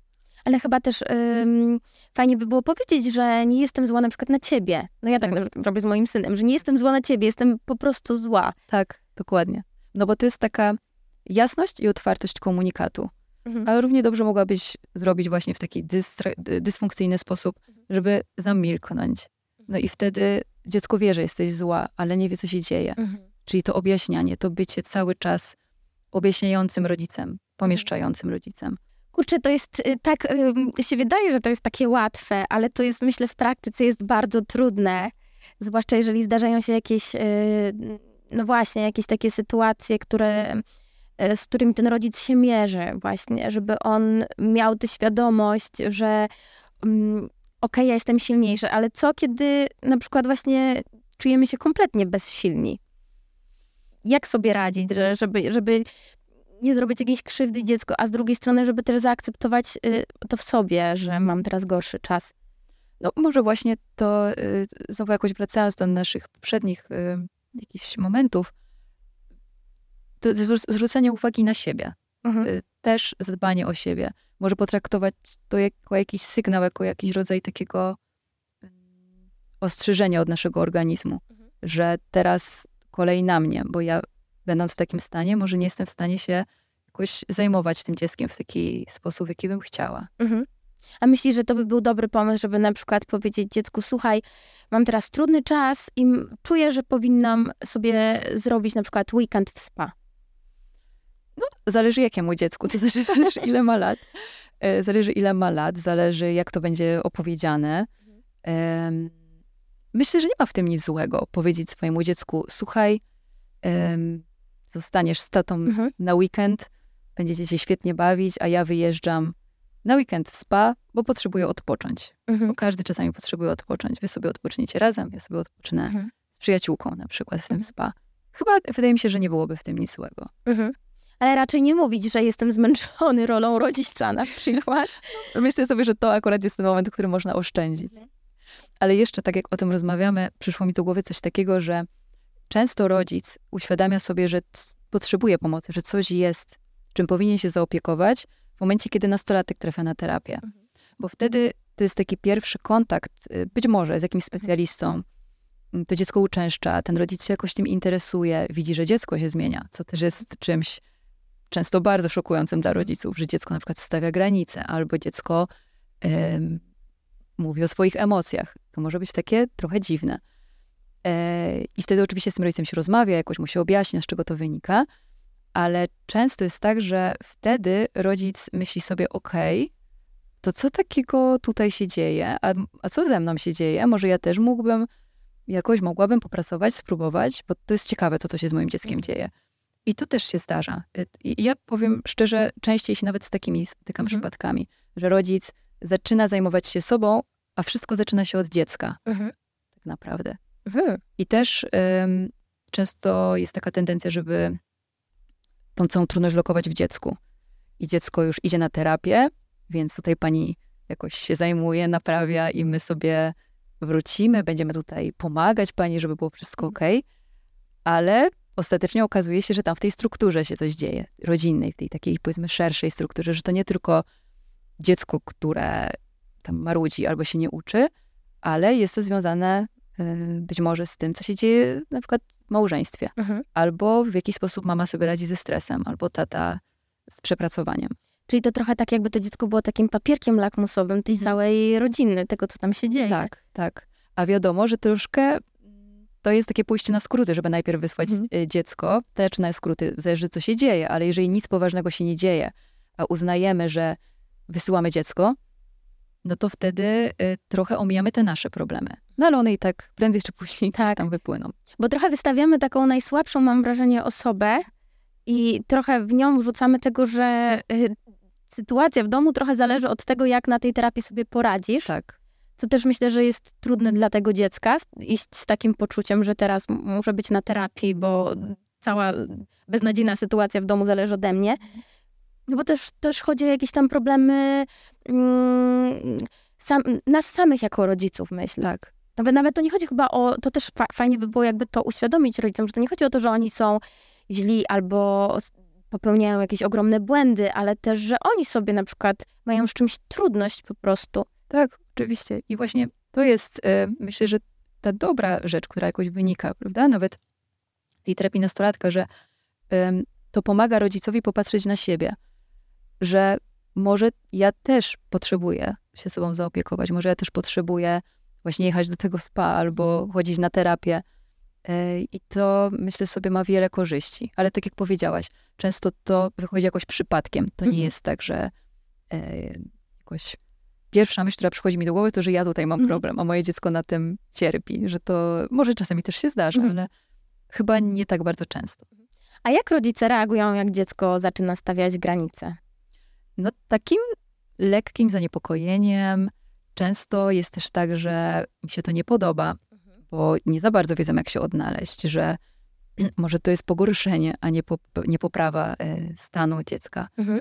Zależy od rodziców. Jeżeli rodzice są bardziej świadomi i sami w ten sposób funkcjonują, no to jest to postrzegane jako jakiś rodzaj progresu. Mhm. Ale w momencie, kiedy rodzice są mocno kontrolujący, też mm, nastawieni bardziej na to, że dziecko ma się podporządkować, no to to może być takie zagrażające. Mhm. A dużo mówimy właśnie o granicach i też często słucham i mówi się o granicach i też ja jako osoba w terapii wiem, co to oznacza, ale też może byśmy powiedziały, jak na przykład wyglądają konkretnie, na przykładach, na przykładach konkretnych, jak wygląda, jak wyglądają takie granice postawione przez nastolatka. W jaki sposób to wygląda? No, takie najprostsze, które przychodzą mi do głowy, to na przykład em, jedziemy do babci. Mhm. No ja nie jadę, bo ja mam jakieś plany. Ja dzisiaj wychodzę z Krysią gdzieś tam do kina. No i to jest takie stawianie granic. Em, czasami zdarzają się też sytuacje takie bardziej zaawansowane, kiedy dziecko na przykład y, mówi, że nie pójdzie do kościoła, mimo tego, że co niedzielę jakoś chodziło z rodzicami do kościoła. No ale zaczyna samo dochodzić do jakichś takich wniosków, że no, to nie jest potrzebne. To już jest taki grubszy temat, powiedziałabym, Mhm. już do takiego omówienia bardziej z rodzicami. Em, no co jeszcze? Na przykład jak mama czy tata zaczyna krzyczeć albo jakoś się denerwować, no to dziecko też może powiedzieć em, nie chcę, żebyś na mnie krzyczał, Mhm. bo nie podoba mi się to, że na mnie krzyczysz. Zapytałam o to specjalnie, dlatego że często te przykłady stawiania granic, jak one wybrzmią, to też są w stanie łatwiej rodzicom rozróżnić, co jest Tak. stawianiem granic, Tak. bo one są, mam wrażenie, zazwyczaj kojarzone z tym, że aha, czyli ty pyskujesz, aha, czyli się nie Tak. słuchasz, jesteś nieposłuszny. Tak. Y, ustalamy, że jedziemy do babci, więc cała rodzina wsiada do auta i jedziemy do babci bez dyskusji. No jasne, ale też musimy pamiętać, żeby nie.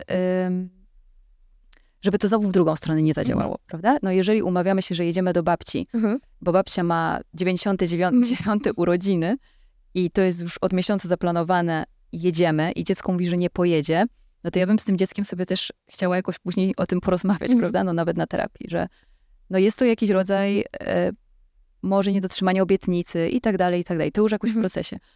Ale jeżeli to jest jakaś taka propozycja, która wychodzi tak po prostu ad hoc, że jedziemy i to dziecko nie jest na to przygotowane, no to to już jest inna sytuacja. Czyli myślę sobie, że tutaj też warto mieć jakiś taki zdrowy rozsądek w Mhm. tym, bo ym, no też to stawianie granic, y, to, to kiedyś moja przyjaciółka powiedziała coś bardzo takiego ciekawego, że zauważyła, że dużo osób dorosłych, które Mhm. zaczynają chodzić na terapię, zaczynają stawiać granice w bardzo dziwnych miejscach. Mhm. I że to dla osób takich, powiedzmy, bardziej świadomych jest nawet trochę zabawne, prawda? Że no po, poszła, czy tam poszedł na terapię i tutaj już stawia granice na każdym możliwym kroku. Mhm. I to jest fajne, bo my się w ten sposób uczymy, ale yy, później zaczynamy sobie uświadamiać, że może niepotrzebnie akurat w tym miejscu. Mhm. Że może warto jakoś stawiać te granice w tych momentach, kiedy to jest zasadne. Prawda? Yy, nie, teraz mi żaden przykład nie przychodzi do głowy, ale ch- chyba rozumiesz, o co mi chodzi. Tak, tak. Co prawda miałam, za, miałam, miałam ochotę zapytać o, mm, o to, kiedy na przykład y, jest ten moment, że stawiamy bez sensu trochę te granice, Tak. a kiedy naprawdę musimy. Ale myślę, że to jest czytelne, że to jest Tak. czytelne. Też przyszło mi do głowy sytuacja w sumie z mojego własnego życia, kiedy y, mówię do syna, idziemy do kina i myślę, że mu zrobię przyjemność. A on mówi, nie idę do kina. Tak. Okej, on mi gdzieś tam stawia tą granicę, ale też myślę sobie, że rodzice mogą mieć takie mm, poczucie, że kurczę, to ja tu stoję na głowie, chcę ci zapewnić rozrywkę na przykład przez weekend, a ty mi mówisz nie. No właśnie, ale to jest właśnie znowu ten problem tego uszczęśliwiania na siłę, prawda? Mhm. Że ja chcę cię zabrać do kina, ale może właśnie jakby to było w formie pytania, czy słuchaj, masz ochotę? No nie mam. No dobra, No to może co innego. to może coś innego, prawda? Że może właśnie czasami wpadamy w taką pułapkę, że nam się wydaje, że jak my coś zorganizujemy, zaproponujemy i mamy jakiś plan, no to to powinno zostać jakoś tam docenione i e, od razu musimy jakoś w to iść. Tak? Że, że to, my się tak ciekawie sobie też w sobie to obserwować. Jak to w nas pracuje. Bo może było też tak, y, to nie wiem jak ty to przeżywałaś, ale może czasami jest też tak, że jak przez cały tydzień jakoś nie mamy czasu, no to potem przez weekend chcemy jakoś tak to nadrobić. Tak. Prawda? Że akurat teraz y, chcę to nadrobić. No ale to jest fajne, żeby może jakoś podyskutować o tym, nie wiem, dzień wcześniej i coś Mhm. ustalić, zrobić jakiś plan. Tak, to myślę, że to jest bardzo dobry pomysł, ale też warto, e, tak sobie myślę, szanować te granice, jak, Mhm. jak e, dzieciaki je umiejętnie na przykład e, stawiają i Tak. też nie mieć takiego poczucia, że robi to, bo też chyba się zdarza, że jest takie poczucie, że robi coś w, na złość mnie. Dokładnie, dokładnie tak, bo czasami to jest najprostszy sposób, żeby się sprzeciwić, prawda? Mhm. Taka tak zwana bierna agresja. Mhm.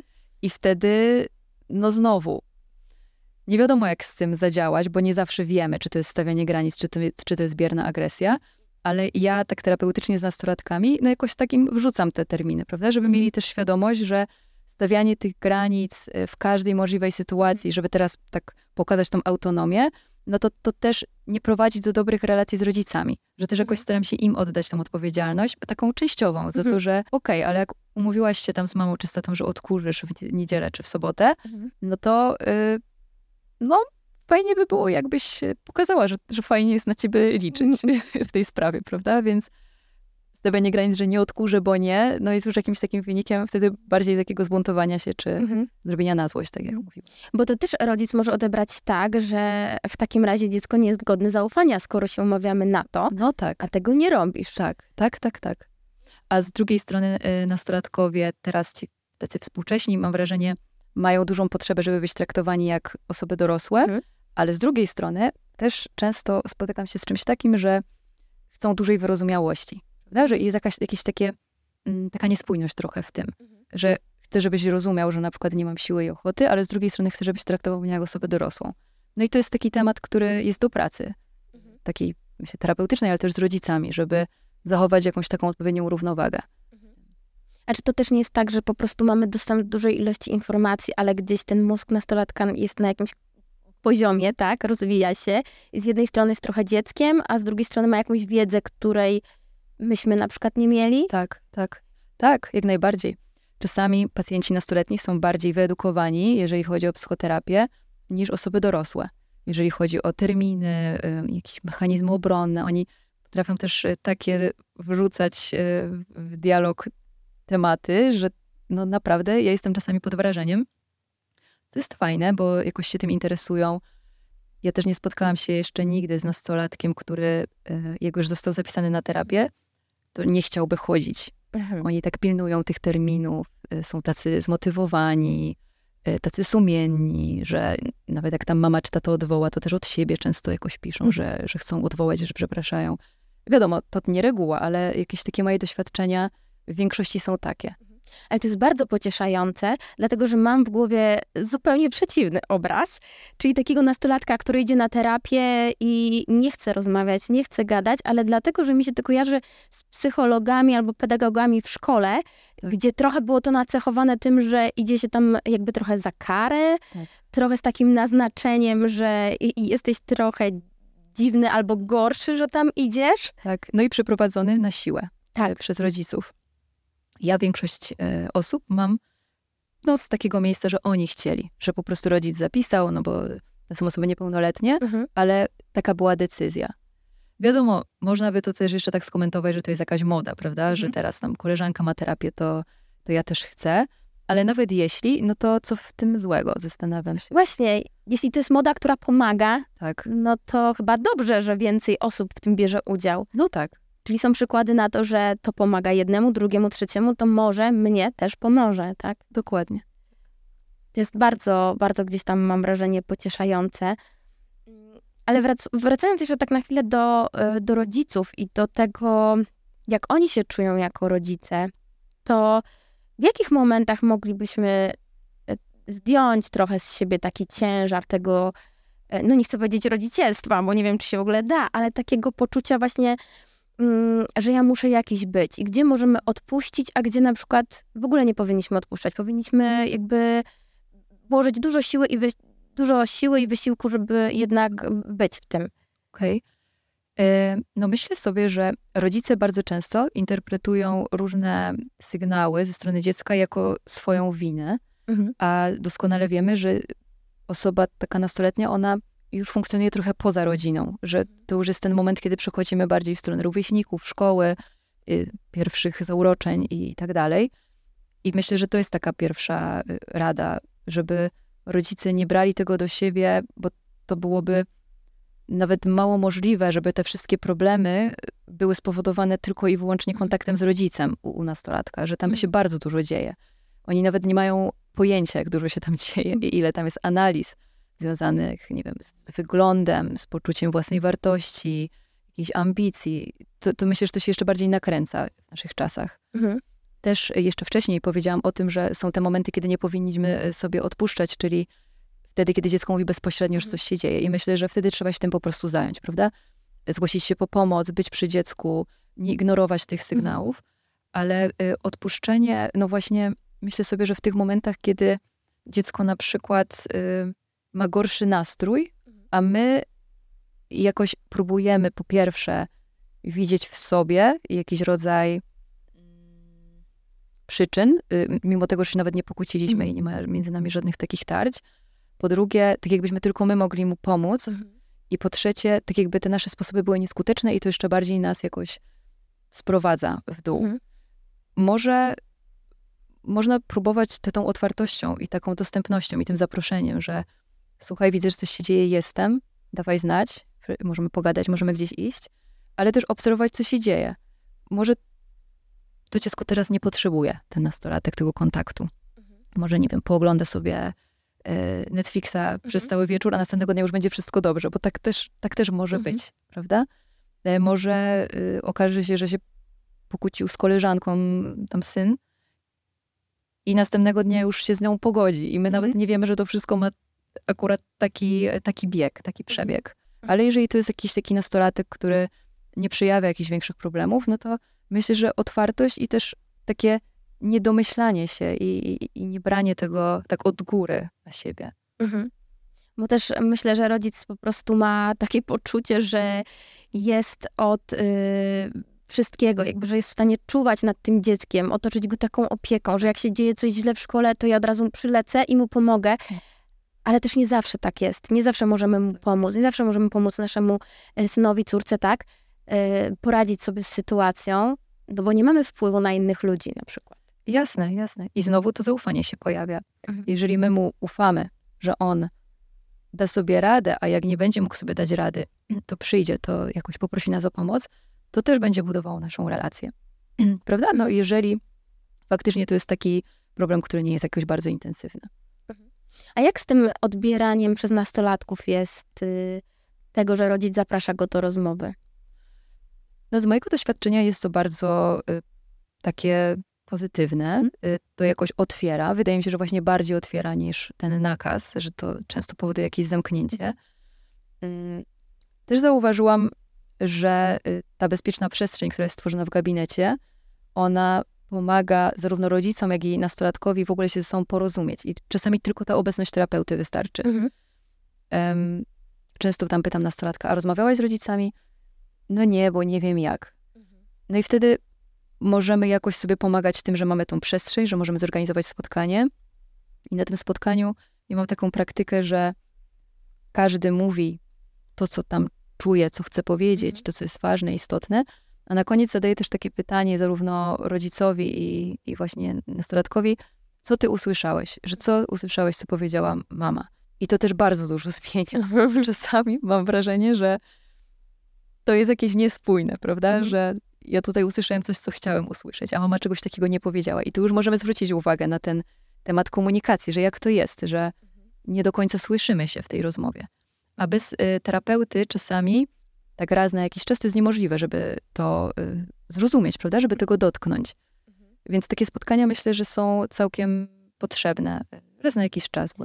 Tak, no myślę, że to jest w ogóle bardzo trafne, y, że słyszymy, jak, jak to jest w ogóle możliwe, prawda, tak by się wydawało, że odbieramy inaczej komunikaty, ale przecież tak myślę, że to jest połączone z naszym, naszą jakąś taką emocjonalnością albo wspomnieniami, że ktoś coś mówi, a mnie się wydaje, że on tak. mi insynuuje coś innego. No tak. Zamiast to, co faktycznie zostało powiedziane. Dokładnie. I to działa w dwie strony. Mhm. Czasami jest tak, że rodzic jakoś tak od razu jakieś założenia ma mhm. w, tym, w tej swojej wypowiedzi. No ale ja jakoś tak dążę do tego, że no dobra, ale my tutaj nie robimy założeń, tylko mhm. my to, co usłyszeliśmy.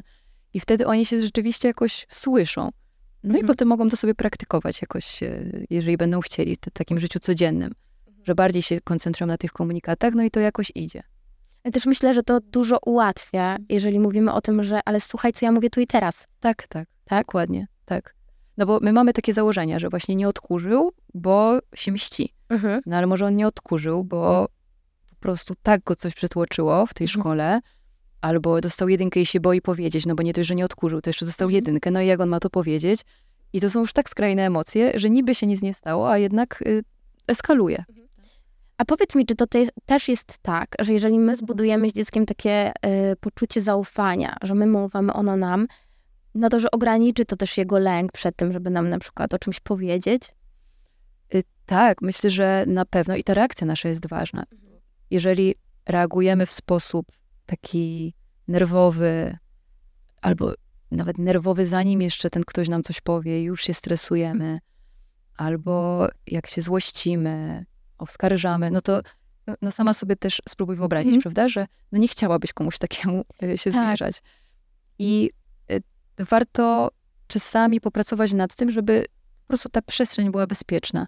Niezależnie od tego, co mi powiesz, niezależnie od tego, czy to będzie trudne, czy to będzie wstydliwe, ja jestem dorosłym, dorosłym człowiekiem Mhm. i jestem w stanie to przyjąć, jestem w stanie to udźwignąć, jestem z tobą, nie będę przeciwko. Oj, to jest bardzo trudne, myślę, właśnie z tego powodu, że y, nawet jeżeli chcemy zaprosić dziecko do, do rozmowy i zaczniemy to miło, że zapraszamy do rozmowy, jak będziesz goto, gotowy, gotowa, to przyjdź, to czasami nie da się uniknąć, albo czasami nie mamy jakoś tak wyćwiczonej tej kontroli, żeby uniknąć oceniania na przykład. Tak, tak. No zdecydowanie. Myślę sobie, że to jest też nie- niezwykle trudne, y, no bo po prostu się martwimy też. y, Jeżeli dziecko nam mówi o czymś trudnym, to my nie Mhm. jesteśmy w stanie tak skontrolować wszystkich odruchów, że się na przykład nie wkurzymy. Mhm. No ale okej, wkurzymy się. No to możemy później powiedzieć, słuchaj, no przepraszam, wkurzyłem się, no. To było bardzo trudne dla mnie i to, co mówisz, jest bardzo trudne i y, te emocje są jakoś uzasadnione. Że możemy jakoś z tym pracować, możemy z tego wybrnąć. Tak, bo jak tak słucham, przysłuchuję się, ja się ze wszystkim oczywiście zgadzam i to jest e, fantastyczne. Mm, przyszło mi do głowy tylko to, że rodzic jest taki zagubiony po raz kolejny. Tak. Czyli okej, nie mogę oceniać, więc ja siedzę, nie mogę oceniać, ale on mi opowiada, na przykład syn albo córka, e, o czymś i nie do końca mi się to na przykład podoba i czy ja powinienem, powinnam powiedzieć coś, ale nie, bo to będzie oceniające. Więc Chociaż wiesz co, z ocenianiem, ja myślę, że chyba y, ja bym też nie szła za tym, żeby nie oceniać do Mhm. końca. Bardziej bym y, była za tym, żeby nie wybuchać, żeby nie, nie powodować, że ta atmosfera do rozmowy jest negatywna, ale jeżeli już coś wybrzmi, jeżeli coś się już pojawi, no ta ocena, ona z pozycji rodzica myślę, że jest chyba nawet ważna. To Mhm. znaczy, wiadomo, żeby to nie było jakieś tam krytykowanie, sam sposób wypowiedzenia, ale powiedzenie, że słuchaj, nie podoba mi się to. Y, No nie wiem, nie jestem zadowolona z tego, co słyszę. Jakoś martwi mnie to. Wydaje mi się, że może to jest nawet potrzebne czasami. No bo jakby to też y, wyglądało w momencie, kiedy ten rodzic jakoś nie reaguje. No jednak Mhm. tutaj też chodzi o to, żeby być tym rodzicem, prawda? Więc Tak. z tym ocenianiem myślę sobie, że może tutaj chodzi o tą formę. Może Mhm. tutaj chodzi też o ten sposób, y, jakie, właśnie jakie stwarzam warunki, co robię, jak to dziecko mi powie i żeby to nie było atakujące, tylko bardziej takie na chłodno, prawda? To jest chyba bardzo ważne, żeby też mm, myśleć nawet nie. No, co mówimy, ale też w jaki W jaki sposób. sposób? Tak, W jaki sposób to mówimy? Że nawet jeżeli chodzi o to ocenianie, to może nawet bardziej mm, powiedzieć jakiś swój pogląd na daną sytuację, nie mówić, ty jesteś beznadziejny, jak mogłeś tak zrobić, teraz po prostu wstyd mi za ciebie, tak, tak, dokładnie. tylko chyba to może nie jest najlepsze wyjście. Tak Tak, myślę. tak. Ja myślę, że właśnie w dobrą stronę też y, idziesz, bo przyszło mi do głowy, że ten komunikat ja, że ja się martwię, mnie się to nie podoba, jestem zaniepokojona, jestem tam zestresowana, a nie właśnie co ty wyprawiasz, Tak, jak mogłeś jak mogłeś tak, że rozczarowujesz mnie już po raz któryś. Y, To są y, te instrukcje, komunikat ja, komunikat ty, one są potrzebne chyba każdemu w każdych relacjach, w każdej rozmowie, czy z partnerem, czy z przyjaciółką. Wydaje mi się, że to powinno wejść do obiegu tak, Tak. na stałe. Tak, też tak myślę.